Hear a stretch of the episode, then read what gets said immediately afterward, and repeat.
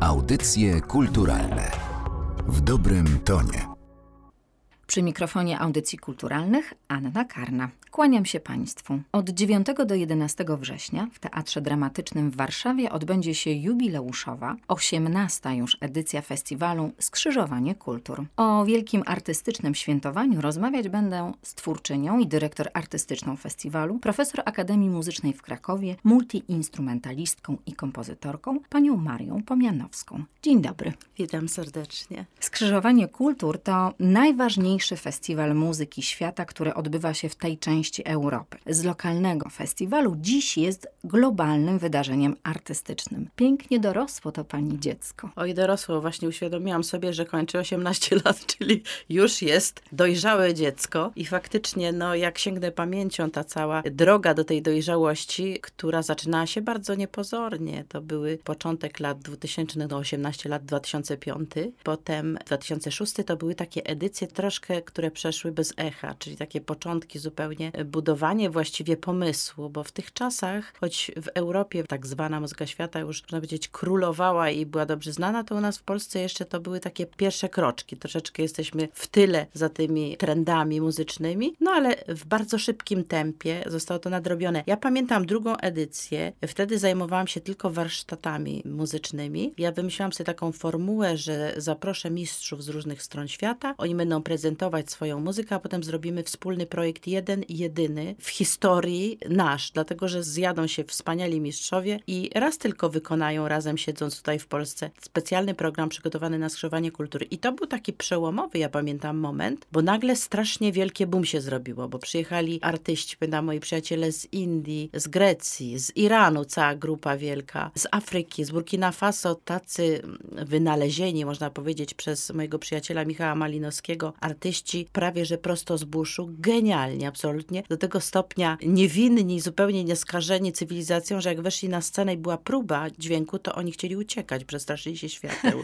Więc takie mieliśmy momenty, załatwianie w ogóle wiz dla takich osób. To wszystko jest ogromne wyzwanie, to wszystko jest ta kuchnia festiwalowa, którą kilka razy mieliśmy takie no, na granicy wręcz horroru sytuacje w trakcie pozyskiwania, może powiedzieć, artystów, którzy nie mają ani paszportów. Trzeba dużo wcześniej się do nich odezwać, że mieli paszporty. A potem, żeby łaskawie przyjechali gdzieś na przykład z Burkina Faso, państwo w zachodniej Afryce, po odbiór wiz, a wiza najbliższa to jest Algieria. Więc wyobraźmy sobie, a loty są odwoływane, a potem jest powódź, na przykład porywają wszystkie paszporty. Też mieliśmy taką historię. Sprowadzają dzieci z Burkina Faso, genialną grupę. To wszystko rzeczywiście to były takie, można powiedzieć, przygodowo-kowbojskie sceny wręcz. Myśmy dawali sobie z tym radę, ale były momenty, że ja miałam naprawdę ciężki stres. Dużo takich stresów było, bo chcieliśmy niezwykłych ludzi. No i ci niezwykli, bardzo niezwykli ludzie od tej drugiej edycji, od 2006 zaczęli przybywać i zaczęła też publiczność dopisywać. Zaczynały ikony muzyki świata przybywać tutaj do Warszawy i zaczęli przychodzić ludzie, ale też bardzo ważną rolę edukacyjną spełniały właśnie warsztaty, które przyciągały ludzi zainteresowanych kuchnią artystyczną, czyli kuchnią muzyczną, czyli jak to się dzieje, jak na przykład grać na takich indyjskich bębnach zwanych tabla, albo jak tańczyć na przykład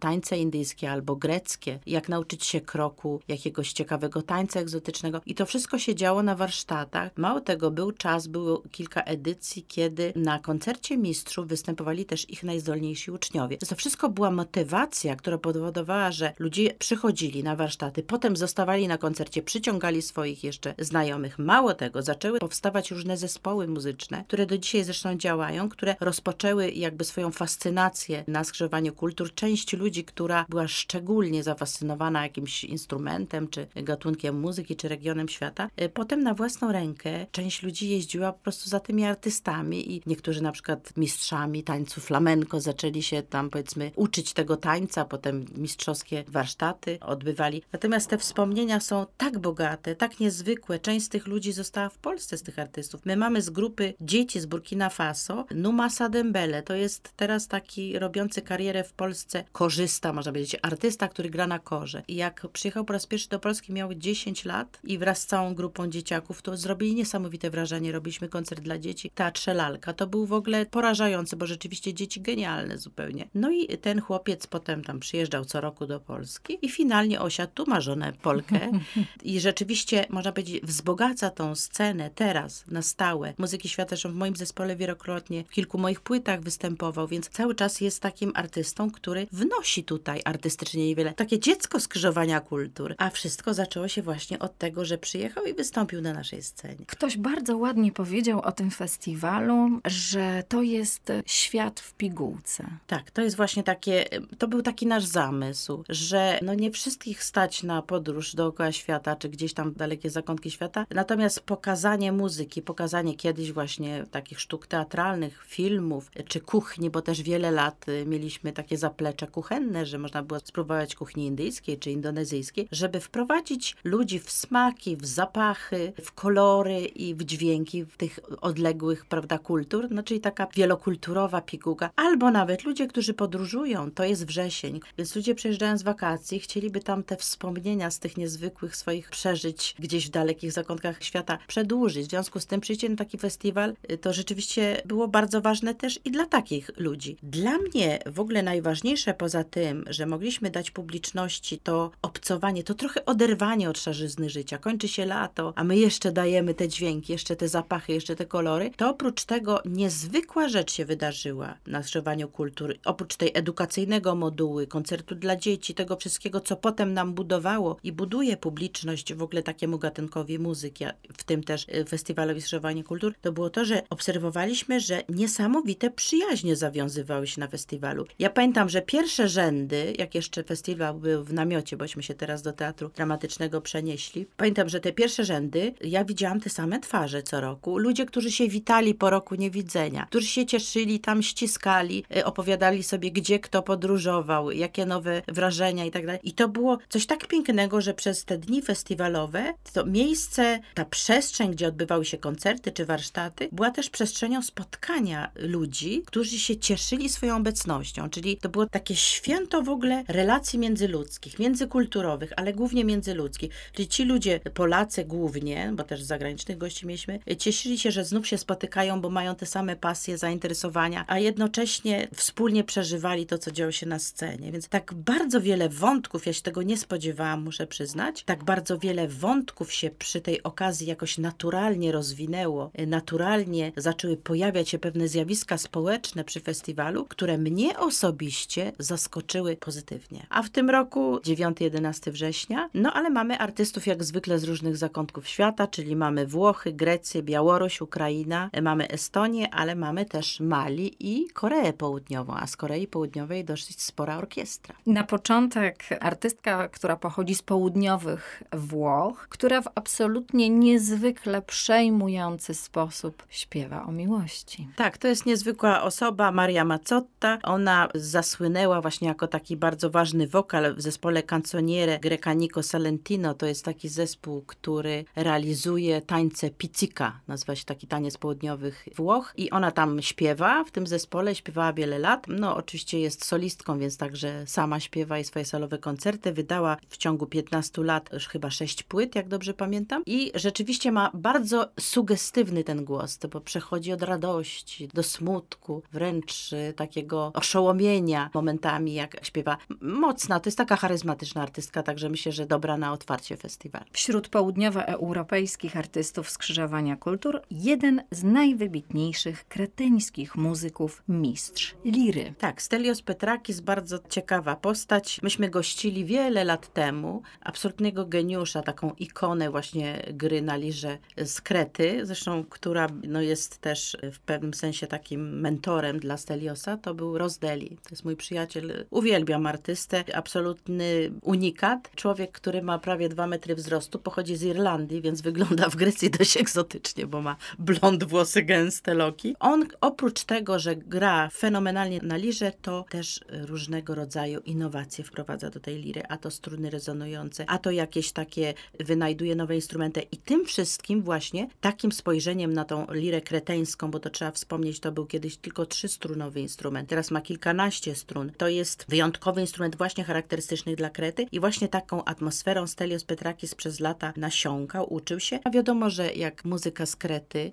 te transowe tańce, muzyka o takiej melodyce, która gdzieś tam jest na granicy świata orientalnego a świata europejskiego, bo to jest takie miejsce, no to na pewno czeka nas artystyczna uczta. W tym trudnym, niezwykle trudnym czasie dla naszej części Europy zaprosiła Pani także artystów z Ukrainy i Białorusi. To był taki nasz zamysł, żebyśmy no, zrobili też jakiś ukłon w stronę współczesnych sytuacji, które dzieją się takie dramatyczne za naszymi granicami. Nie tylko Ukraina, bo to też Białoruś, więc zaprosiliśmy dwóch artystów, to jest Jegor Zabelow i Daria Kosiek. Każda z nich reprezentuje jakby troszeczkę jedną kulturę muzyczną. Jegor Zabelow to jest białoruski muzyk, akordeonista, uciekinier, bo on tutaj mieszka jako ma status właśnie uchodźcy. Więc to jest rzeczywiście osoba, która może opowiedzieć o tym, jak łamane są tam prawa człowieka i te wszystkie dramatyczne rzeczy, które no, dotykają nas, są bardzo bolesne. On tutaj w Polsce bardzo ładnie się odnalazł, grał zresztą z moim przyjacielem Kiniorem, czyli Włodzimierzem Kiniorskim i, i Laocze. Bardzo zdolny, twórczy bardzo i taki z wizją artysta. I tutaj zaprosiliśmy też Darię Kosiek, to z kolei wokalistka zespołu Wernychora. Ona pochodzi z rodziny bojkowskiej, wychowała się w miejscu właśnie, w którym bardzo duża społeczność ukraińska y, się znajduje, więc taka właśnie związana bardzo z językiem ukraińskim, z kulturą ukraińską. I tych dwóch artystów przygotowuje specjalny projekt, taką opowieść artystyczną, która będzie opowiadać o tym, jak oni interpretują tą sytuację, współczesność, pochodząc z tych dwóch kultur, tak w tej chwili bardzo mocno dotkniętych przemocą, można powiedzieć, prawda? Brakiem pokoju i przemocy. Jeszcze Ukrainę pociągnie bardzo niezwykła grupa, Duck Daughters. To są dziewczyny, które robią coś takiego z pograniczy teatru, kabaretu. To jest tak jakby właśnie jak opowiadały Marilyn Monroe, spotyka się z Mireille Mathieu, obie śpiewają ukraińskie pieśni i dają nam niezwykłe przeżycia. One w ogóle wyglądają niesamowicie. To jest właśnie takie przedstawienie bardziej niż koncert. One malują sobie na biało twarze, na czerwono usta, są takie właśnie jak z niemego filmu wyjęte. Więc tutaj, no, czeka nas takie mocne przeżycie, myślę, że związane teraz szczególnie z tą sytuacją, bo one są osobiście dotknięte różnego rodzaju tragediami, które się wydarzają teraz na Ukrainie. Myślę, że czeka nas coś bardzo takiego ciekawego, być może wstrząsającego, taki performance muzyczno-słowny. Les Amazones d'Afrique to międzynarodowe, artystyczne połączenie. To są dziewczyny głównie z Mali, z zachodniej Afryki i to jest ta cała ich twórczość, to jest właśnie taki mariaż tych różnych kultur. Zachodnia Afryka to w ogóle jest genialne. Ja bardzo wielu artystów zapraszałam, czy z Mali, Senegalu, Burkina Faso, Mauretania i to, to jest niezwykłe miejsce. To jest miejsce, które pamiętamy, było najbardziej dotknięte właśnie przez kolonializm, czyli tam wywożeni ci ludzie, straszne ilości, straszne dramaty się tam działy. Tam dużo jest dobrej bardzo muzyki, świetne instrumenty. No a dziewczyny w ogóle oprócz tego, że grają świetną, właśnie tam jest i dub, i blues, i funk, i pop w tej muzyce, są bardzo dynamiczne, jak te dziewczyny stamtąd. One śpiewają przede wszystkim o prawach kobiet, poruszają tematy głównie kobiece w swojej muzyce. Od zawsze skrzyżowanie kultur to także jest taki moment, żeby pokazać polską muzykę. I będzie kapela Maliszów, akurat moja ulubiona, ukochana. Y, to jest kapela, którą założył Jan Malisz, ojciec, założyciel. Grają dzieci jego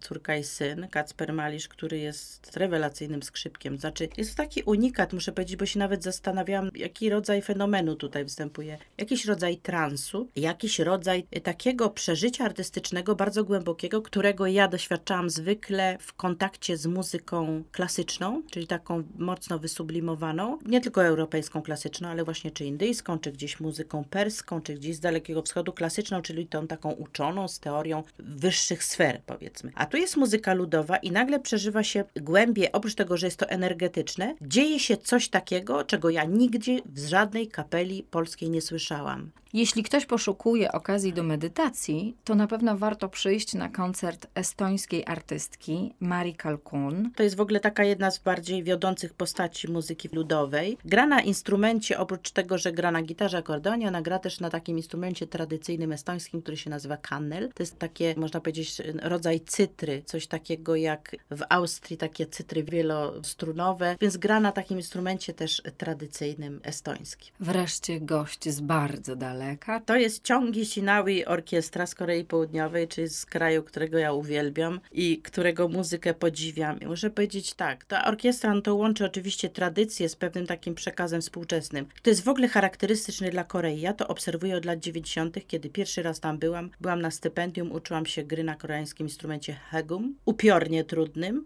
smyczkowym, z dwoma strunami, który nie skraca się palcami, jak tam na skrzypcach czy wiolonczeli, tylko jak łuk się ściska i wtedy wydobywa się różnej wysokości dźwięki. No strasznie. Pęcherzem się porobił na palcach.